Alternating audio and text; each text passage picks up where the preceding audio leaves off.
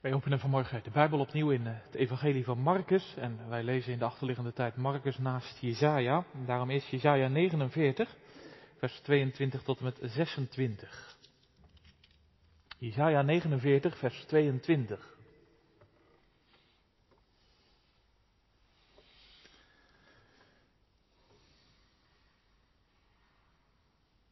Zo zegt de Heere Heere. Zie, ik zal mijn hand opheffen naar de heidenvolken. Naar de volken zal ik mijn banier omhoog steken. Dan zullen zij uw zonen brengen in de armen en uw dochters zullen gedragen worden op de schouder.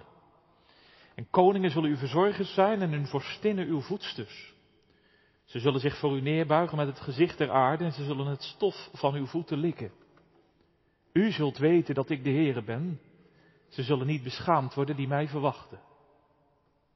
Zou een machtig man zijn buit ontnomen kunnen worden? Of de gevangenen van een rechtvaardige kunnen ontkomen? Maar zo zegt de Heer, ja, de gevangenen van een machtig man zullen hem ontnomen worden en de buit van een geweldpleger zal ontkomen. Die u ter verantwoording roepen, zal ik ter verantwoording roepen, uw kinderen zal ik verlossen. Ik zal hen die u onderdrukte hun eigen vlees te eten geven en van hun eigen bloed zullen ze dronken worden als van jonge wijn. En alle vlees zal gewaar worden dat ik de Heere uw heiland ben, uw verlosser, de machtige van Jacob. Volgens lezen we uit het evangelie van Marcus, derde hoofdstuk vanaf vers 20. Vorige keer hebben we gelezen uit Marcus dat Jezus zijn eerste preek houdt en dat zijn discipelen worden geroepen. Daarna gaat het stormachtig in het evangelie van Marcus. Een bezetene wordt genezen, de schoonmoeder van Petrus, een Melaatse. Een verlamde man, Levi, wordt geroepen. Jezus blijkt heer te zijn van de Sabbat.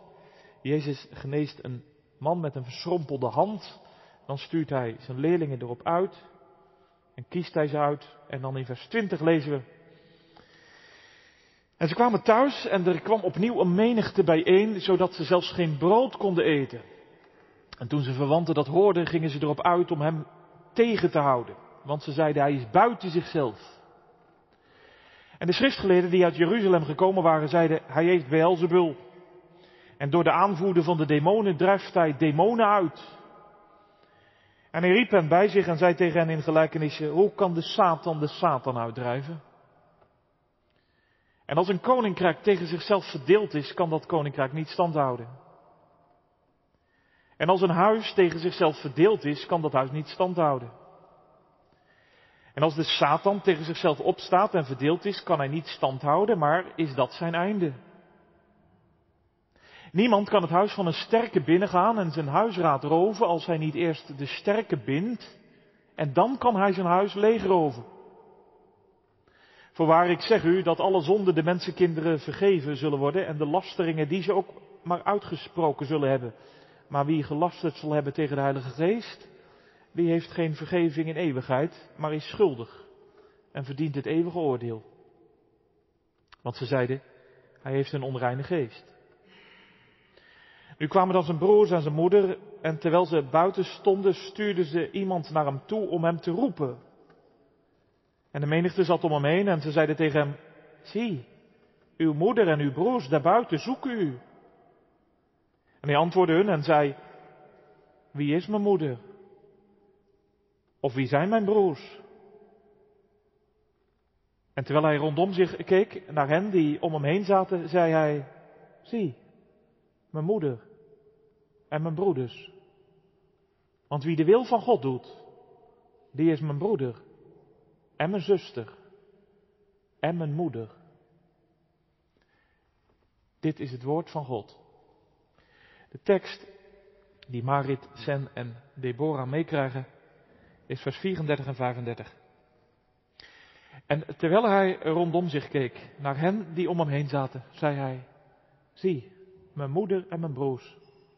Want wie de wil van God doet, die is mijn broeder en mijn zuster en mijn moeder. In de schriftlezing gaat het ook over de zonde tegen de Heilige Geest. Nu zijn er heel veel pastorale vragen bij te stellen en worden ook gesteld. In de preek ga ik meer op dat andere in. Misschien dat er nog een keer van komt om uh, specifiek over de zonde tegen de Heilige Geest te preken. Maar de zonde tegen de Heilige Geest is een dermate verharding tegen God dat je niet eens meer vergeving wil ontvangen. Dat is denk ik altijd wel goed om daar, dat erbij te zeggen. Dat je niet eens vergeving meer wil ontvangen en het ook niet meer ontvangt. Hoe ontstellend dat ook is. Maar dat je er ook niet meer naar verlangt. In, de, uh, in zei de ouderling van dienst nog iets tegen de kinderen vanmorgen. En dat zou ik eigenlijk willen, uh, ook willen doen. Want weet jij dat eigenlijk hè? Heeft Jezus volgens jou nog broers en zussen gehad? Misschien had je dat nooit gedacht, dat je dacht, ja, Jezus broers en zussen. Maar Jezus heeft ook broers en zussen gehad, ja, halfbroers, halfzussen. En die broers en zussen die komen hier bij hem. Maar Jezus die draait het om en die zegt, ja, misschien kan jij ook wel een broer van Jezus worden vanmorgen. En jij een zus van Jezus. Als je de wil van God doet. En daar gaan we het vanmorgen over hebben. Zodat jij vanmorgen al luisterend mag zeggen, ik ben ook een broer, een zus geworden van Jezus. Dat hoop ik. Schrijft boven de preek protestants, protestants. En terwijl hij rondom zich keek naar hen die om hem heen zaten, zei hij, zie mijn moeder en mijn broeders. Want wie de wil van God doet, die is mijn broeder en mijn zuster en mijn moeder. Protestants. Gemeente, hier en ook thuis, doopouders, familieleden. Wij zijn protestanten. Dat is geen nieuws, dat weet je al lang. Alleen wat is dat eigenlijk, protestants zijn? Nou, daar zit het woord protest in. Wij zijn in protest. Iemand die publiekelijk protesteert. Tegen wat? Tegen wie? Moeten we dan naar het Malieveld? Moeten we naar de Dam? Waar hebben we eigenlijk tegen te protesteren?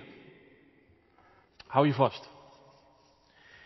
Tegen alles wat tegen dit woord ingaat. Daar protesteren we tegen. Is dat niet wat aanmaterend? Trek je dan niet een uh, te grote broek aan? Nou ja, dat kan zo zijn, maar zo is de Reformatie wel begonnen. Het kerkelijke huis van Rome, het was als een huis dat nodig gestript moest worden. Soms, soms heb je dat, hè? Je koopt een huis en er is van alles aangeplakt, aangekoekt en aangetimmerd. Zo ook toen. De reformatie kwam, het Roomse huis werd doorlicht, de ambten, de liturgie, de geloofsleer, de sacramenten. En het werd tegen het licht van het woord aangehouden.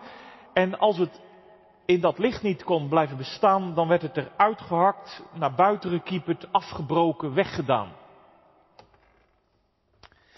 Daar moest ik aan denken bij Marcus 3. Want ook Jezus is in protest. Hij komt het huis van deze wereld binnen en hij ziet dat dit huis nodig gestript moet worden. Hij houdt alles tegen het licht van wat? Van wie? Van Gods wil. Jezus is immers de wil van God in eigen persoon. Hij hakt weg wat niet deugt, hij kiepert naar buiten wat er niet hoort. De Jezaja-rollen vallen helemaal op hun plaats. Zie, ik maak iets nieuws, nu zal het ontkiemen. Alleen dat wordt niet zomaar begrepen. Kijk zelf maar, zelfs de familie van Jezus begrijpt het niet. Ze hebben het over Jezus als zou hij buiten zinnen zijn. Schriftgeleerden staan daar ook nog omheen. Ze zijn afgereisd vanuit Jeruzalem, want dat gaat hier niet goed. Die man uit Nazareth, hij lijkt wel bezeten. Zo ver gaat dat dus. Trouwens, Begrijp jij Jezus nog? Want hoe hij hier spreekt over zijn familie. Dat Jezus gewoon blijft zitten terwijl Malief buiten staat te wachten op hem. En zijn broers erbij. Om dan zo te spreken, zo te handelen. Dat is toch vreemd? Zeg nou zelf doopouders. Want je wilt toch graag een hecht gezin zijn en blijven. De doopouders voorop, wees eerlijk ook als je kind, Sen, Marit, Deborah, eh, straks opgroeit, dat je een goede sfeer houdt in je gezin, dat je met elkaar verbonden blijft, daar doe je alles voor. Daar investeer je nu al voor en in. Toch? Maar Jezus dan? Wat doet hij nu eigenlijk? Nou zeg eens, ken je deze Jezus? Zoals hij hier doet dan spreekt. Want vaak hebben wij, dacht ik, een ander beeld van Jezus. We zeggen, ja, geloof nou in Jezus en dan zul je rust krijgen. Op een bepaalde manier is dat ook zo. Alleen vanmorgen zou ik zeggen, als Jezus het huis van deze wereld binnenkomt, als hij je levenshuis binnentreedt, dan brengt hij een heilige onrust teweeg. En daarom zoek met mij in dit gedeelte mee naar wie Jezus is en wat hij nu eigenlijk komt doen. Zijn broers en zijn moeder begrijpen hem namelijk niet. Ze komen om hem tegen te houden. Letterlijk staat daar een woord, dat betekent om hem te grijpen. Een heel schokkend woord in Marcus. Ik zal het even te bekijken, maar later wordt dat gebruikt bij de oudsten en de schriftgeleerden die Jezus willen grijpen om hem te doden. Dus daar zit iets in, zijn familie wil Jezus overmeesteren. Waarom? Waarom eigenlijk? Laat hij als oudste zoon zijn taak liggen, komen ze hem terughalen, zo van, jij bent onze oudste broer, Jozef is wellicht al overleden, jij kunt als eerstgeborene het huis nu niet uit, jij bent verantwoordelijk, ook voor ons. Nee. Zijn familieleden zeggen, hij is buiten zinnen. Hij is uitzinnig geworden. Jezus heeft het niet meer op een rij. Hij is gek geworden. Scru gezegd, maar zo denken ze over Jezus.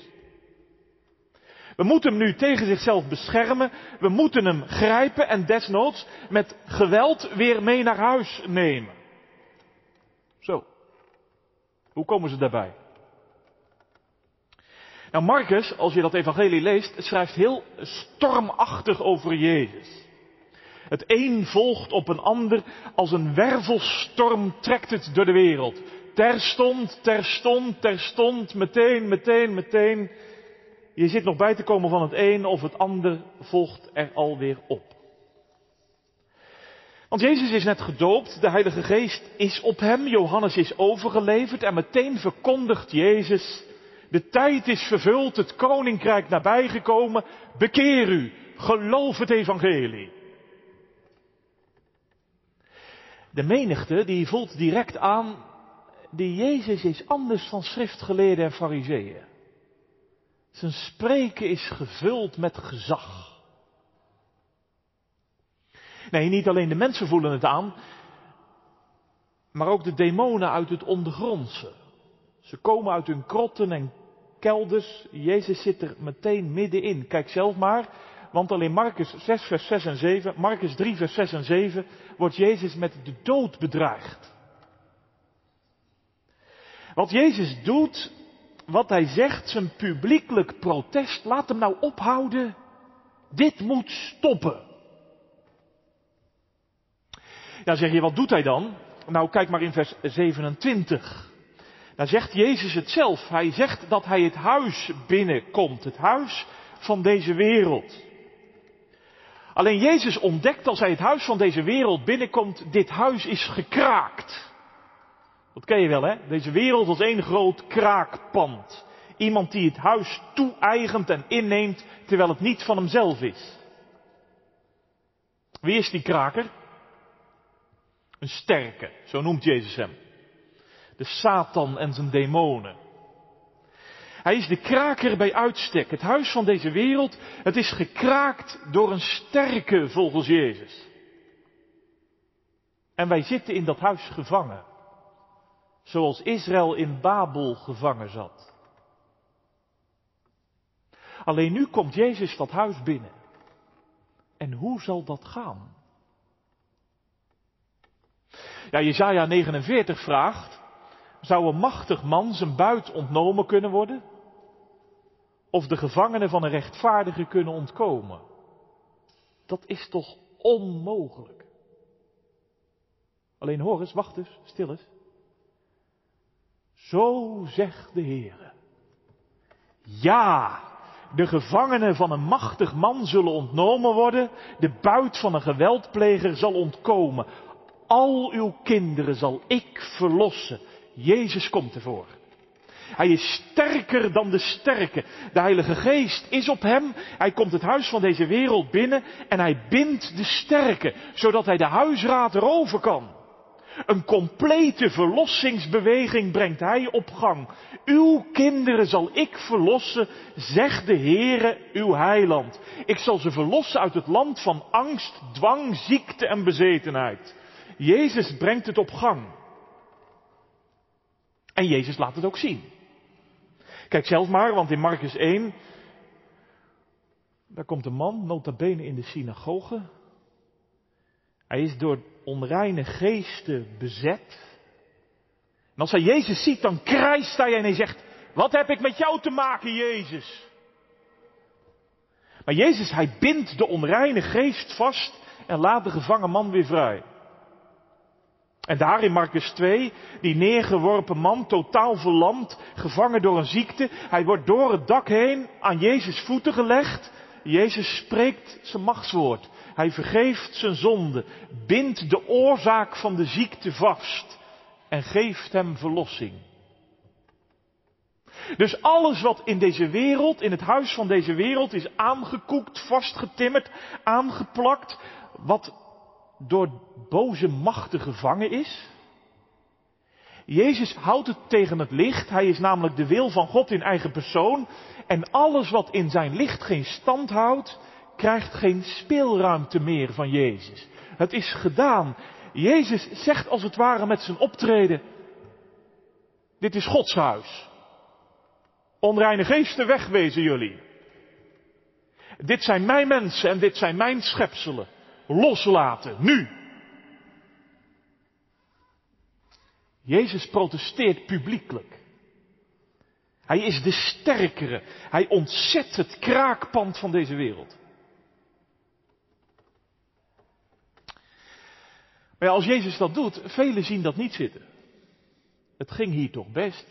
We hadden het hier toch allemaal goed geregeld. We hebben het aardig op orde. Wat is dat eigenlijk voor een onruststoker? Laat ons met rust. Laat ons gewoon met rust.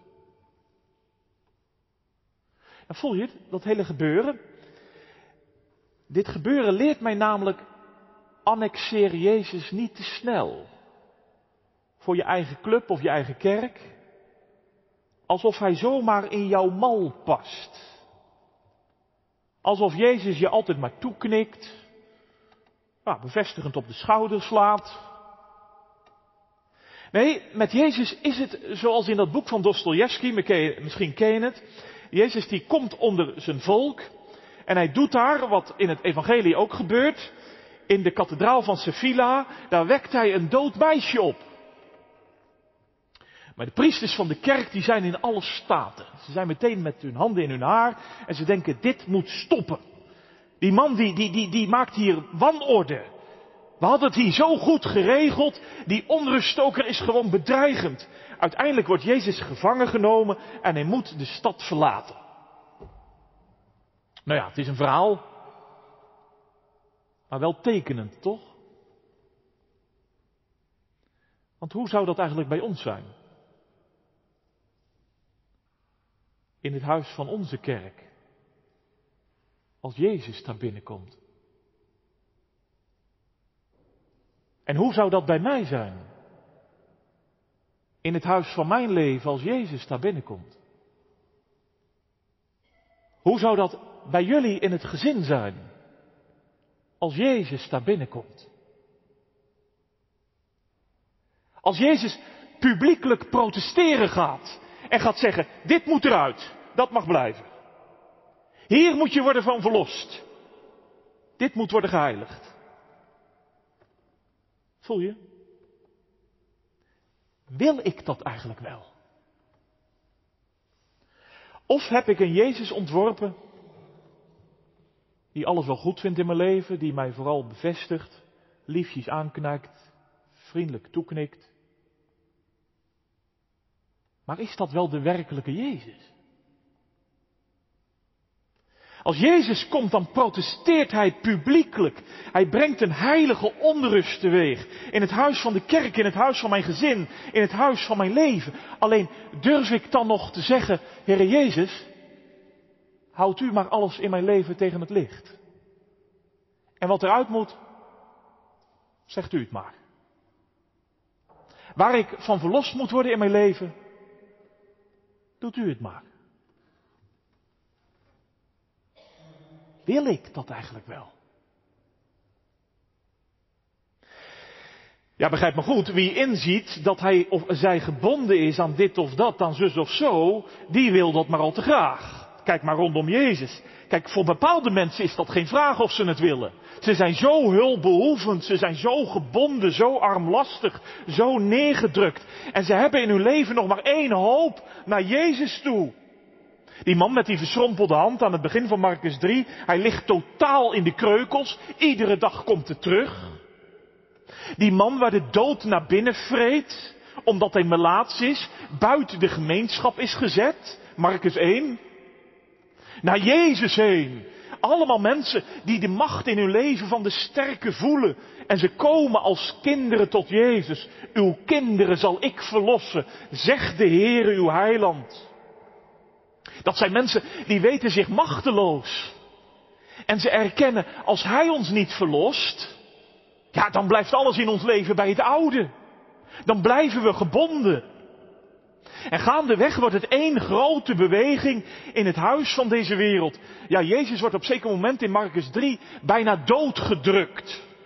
Hij moet in een boot gaan staan om een beetje afstand te houden voor de mensen die op hem afkomen. En als hij hier in zijn huis komt, dan krijgt hij geen tijd om te eten, want heel zijn huis zit direct al vol. De kamers, de vensters, op het dak bij de deuropening, aan de zijkant, aan de voorkant. Ja, ik zou zeggen, gemeente, stel u dat eens voor hoe dat eruit heeft gezien. Gebruik eens even je zintuigen. Kom eens even mee. Kijk eens in dat huis bij Jezus. Ruik eens. Want bij Jezus in dat huis ruik ik niet de geur van parfum of wasmiddel. Maar rondom Jezus ruik je de geur van zweet en oud bloed. En kijk eens, kijk eens. Want rondom Jezus zie ik geen getapte figuren zitten. Maar daar zitten geschonden mensen. Gewonde en gebroken lieden. Zie je het? En hoor eens, hoor eens. Want rondom Jezus hoor ik mensen niet keurig hun zinnetjes uitspreken, zo wat rustig keuvelen over koetjes en kalfjes. Nee, daar kreunt een vrouw van pijn. En daar krijst een man vanwege duisternis. En daar huilt een kind vanwege de warmte. Rondom Jezus is het eigenlijk zoals in een oorlog. Zo moet je het maar voorstellen. Na een hevige strijd gaan de bunkers open. En een bunker zit vol met mensen. Ze zijn er allemaal in het heetst van de strijd naartoe gevlucht. En de deur van de bunker gaat open na die hete en verhitte strijd. En je ziet het, holle ogen kijken je aan. De een zit onder het bloed.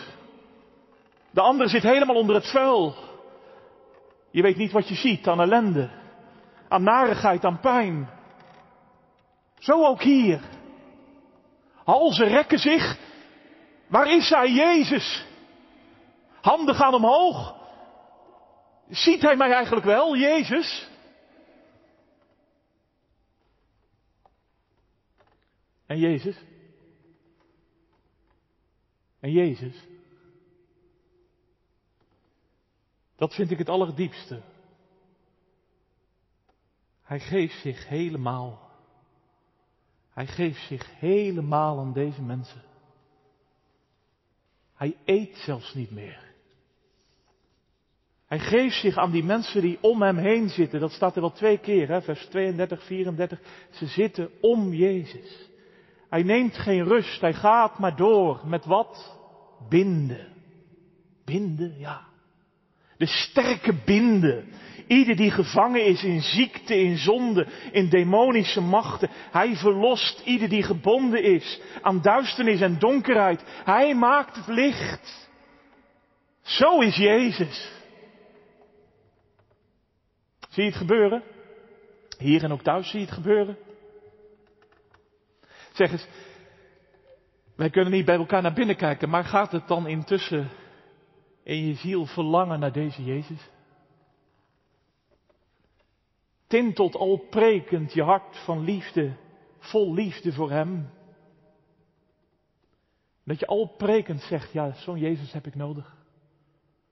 Zo'n Jezus heb ik nou echt nodig in mijn leven, want ik ben zo vaak zo gebonden. Ik zit vaak zo gevangen. Of zie je het niet? Ik vraag het maar, want buiten zien ze het niet, hè? Er staan zijn broers en er staat zijn moeder. Jezus is gek geworden. Dat denken ze. Cru gezegd, maar het is terecht. Het is echt zo. En ze tikken iemand achter aan de rij, eh, in de rij op de schouder. Hé, hey, hé. Hey. Zeg even tegen Jezus dat zijn broers en zijn moeder hier staan. We moeten hem nodig spreken, want dat gaat lang niet goed met hem. Ze zijn ervan overtuigd, hij moet mee. Hij moet tegen zichzelf gewoon beschermd worden. Want Jezus draait helemaal door. Hij is uitzinnig geworden. Zo denken ze. Hoe komt dat toch gemeente, dat ze niet zien wat Jezus doet? Weet je hoe dat komt? Ze staan buiten. Dat staat er twee keer, hè? Vers 31, 32, ze staan buiten. Ze kijken op een afstand. Ze snappen niet waarvoor hij komt. Ze hebben graag wat rust, ze laten het graag bij het oude, zoals het is. Ja, het is niet alles, maar dat onbekende, dat vreemde van die protesterende Jezus, ze doorzien het niet. Ze analyseren, ze schouwen het wat aan en ze denken, ja, dat is toch niet normaal meer. Die is niet meer, niet meer helemaal gezond hoor. En dat Jezus komt om de sterke te binden, dat dit huis van de wereld gekraakt is, dat het ontzet moet worden door Jezus zelf. Ze verstaan het niet. En Jezus, wat doet hij? Wat doet Jezus? Hoe reageert hij op zijn familieleden? Nou gemeente, toen ik bij dit deel van de preek aan was beland, toen dacht ik, stel je voor, denk even mee, stel je voor dat Jezus op dat moment was opgestaan, al die mensen had verlaten. Stel je voor dat Jezus was weggelopen en had gezegd, mensen, sorry, maar ik moet nu naar mijn moeder en mijn broers, ze staan ook op mij te wachten. Ik stop ermee. Denk je in.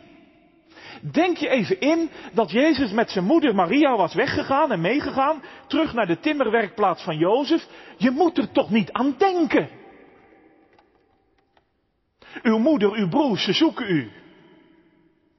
Maar kijk, Jezus staat niet op, hij laat het niet voor wat het is, hij verlaat deze mensen niet, want hier komt hij voor.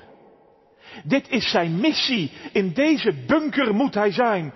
En hij kijkt om zich heen, hij kijkt om zich heen, moet je even voor je zien, Jezus kijkt zo wat om zich heen. Matthäus zegt erbij, hij strekt zijn handen uit. Dus met een brede armzwaai zegt hij, zie, mijn moeder. Mijn broers.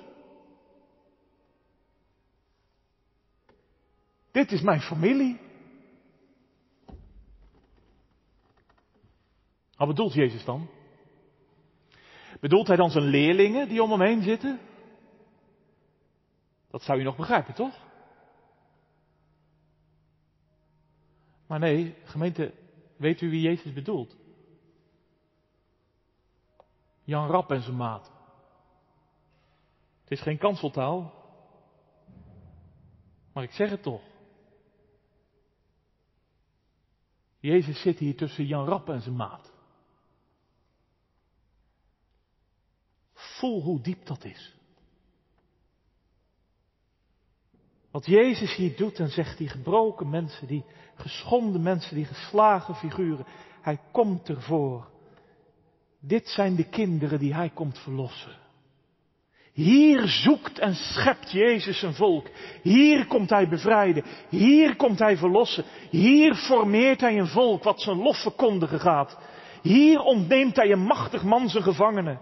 Hier ontkomen mensen als buit van een geweldpleger. Dit is zijn familie. Zeg het, eerlijk zeggen. Wat vind je daar nou van? Wat vindt u daarvan? Geeft het je hoop vanmorgen? Geeft het je verlangen naar deze Jezus? Ga je nou verlangen naar Jezus als je dit ziet? Dat hoop ik zo. Ik vraag het maar, want die geestelijke leiders, hè, die zijn uit Jeruzalem ook gekomen om het wat te analyseren, om het zo wat een beetje te beschouwen. En desnoods een dik rapport over te schrijven, wat ze kunnen sturen naar de synode in eh, Jeruzalem. Hun conclusie in het rapport is overigens snoeihard. Waanzin. Duivels. Die man is niet snik. Occulte praktijken. Hij hoort bij Beelzebul. Baal Zebub. God van de vliegen. Dat betekent het. De oppergod van de demonen. Zo spreken ze over Jezus. En Jezus ziet het gebeuren. En hij zegt vol ernst. Kijk uit. Kijk nou uit wat je doet. Van een afstand het wat bekijken en je intussen verharden. Kijk nou uit, want op den duur wordt het steeds harder. Wordt je binnenste zo hard dat je gewoon niet meer aanraakbaar bent. Dat je tot in eeuwigheid niet meer benaderbaar bent doorgaat in de verharding en Jezus uitmaakt voor een handlanger van de Satan, doorgaat om je zo te verharden zonder ooit nog op vergeving te hopen of erom te smeken. Dat is de ernst ook vandaag. Tot vanmorgen. Want gemeente, in de buurt van Jezus valt namelijk ook een scheiding. Zie je dat vanmorgen? Je zit rondom Jezus. Of je staat buiten. Je keer je tot Hem. Of je blijft op een afstand. Doopouders, in die spanning staan jullie ook. Samen met je kind. Marit en Deborah. Als ze straks opgroeien. Hoe zal dat gaan? Ja, ik geef toe, vandaag kwam je heel nabij, toch? Het doopwater sprak immers van Jezus en je bracht er je kind. Je kon er niet bij wegblijven, want je weet, zonder Jezus blijven wij gevangen, blijven wij gebonden. Daarom stond je vandaag rond het doopvond, toch? Zoals die mensen daar rond Jezus zitten. En hoor eens, want Jezus zegt ook vandaag, hij zegt, wie de wil van God doet, die is mijn broeder. En mijn zuster en mijn moeder. Nee, die wil van God doen, dat betekent hier niet dat je dit doet en dat weer laat. Maar dat betekent hier in de eerste plaats Jezus zelf. Jezus zelf, ja.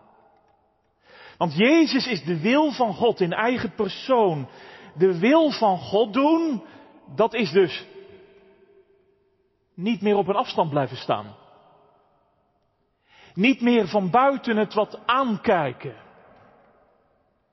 De wil van God doen, dat is gaan zitten rond Jezus.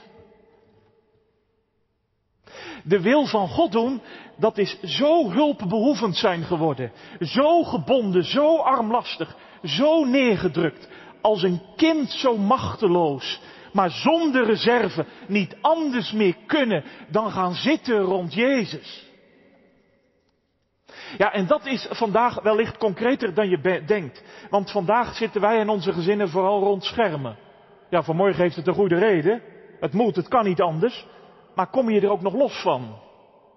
Ook als jullie kinderen straks ouder worden, zijn er dan momenten in je leven dat je niet meer rond die schermen zit, maar rond Jezus. Te beginnen bij de zondag tot twee keer toe, zitten rond Jezus, maar ook elke dag de schermen dichtklappen, de apparaten uitdoen en eens echt de tijd nemen om te gaan zitten rond Jezus. Dat is de wil van God doen. Want weet je wat er rondom Jezus gebeurt? Als je om Jezus heen gaat zitten, vormt Hij je leven om. Hij protesteert publiekelijk tegen alles wat me bindt en gevangen houdt. Hij houdt het tegen het licht, heel mijn doen, al mijn laten, voor mij en mijn kind. En hij kiepert eruit wat weg moet. Hij verlost wat me bindt. Hij bevrijdt wat ons gevangen houdt. Dat is de wil van God doen. Zeg eens eerlijk zeggen, als Jezus vanmorgen om zich heen kijkt. Als hij nou deze week om zich heen kijkt. En als hij met een brede armzwaai zegt, zie, mijn moeder en mijn broers. Dit is mijn familie. Wijst hij jou dan ook aan? Ik bedoel, zit je in je leven nu heel vaak rond Jezus? Of sta je buiten? Want Jezus, ja. Zo'n raar figuur. Zulke rare verhalen. Hij doet zo anders. En als je Jezus zo bezig ziet van een afstand, dat hij zo protesteert als een heilige onruststoker te werk gaat, ja, zit ik daar nou op te wachten? Want Jezus, ja, dat verhaal van het evangelie, dat is mooi voor inspiratie om rustig te blijven voor bepaalde mensen. En sommige mensen hebben er ook vandaag wel wat aan. Maar dat we het daar vandaag nou echt van moeten hebben, ja. Ik bedoel die hele crisis hè, die we bestrijden vandaag. De strijd tegen de crisis van vandaag heeft vooral toch de sfeer van samen trekken we het wel weer vlot. We doen het samen en we moeten even de tanden op elkaar houden. En samen repareren we dit huis van de wereld wel weer even. We nemen onze maatregelen, we hebben onze strategie. Is het verkeerd dan? Nee, nee, nee. Maar zonder Jezus is het hooguit wat vertimmeren. Zonder Jezus is het hooguit wat oplappen. Maar in de diepste kern blijft alles bij het oude in deze wereld. Echt waar. Ja, begrijp me goed, ook de kerkmens kan ver bij Jezus vandaan zijn. Want dat Jezus tussen van die rare figuren gaat zitten. Nou ja, ik ben een net kerkmens. We houden het graag netjes en rustig. Alleen wacht eens. Want dat er vandaag zoveel barsten worden geslagen in ons leven. Dat er vandaag zoveel gebroken wordt in ons bestaan. En we hebben er allemaal meer of minder mee te maken, toch?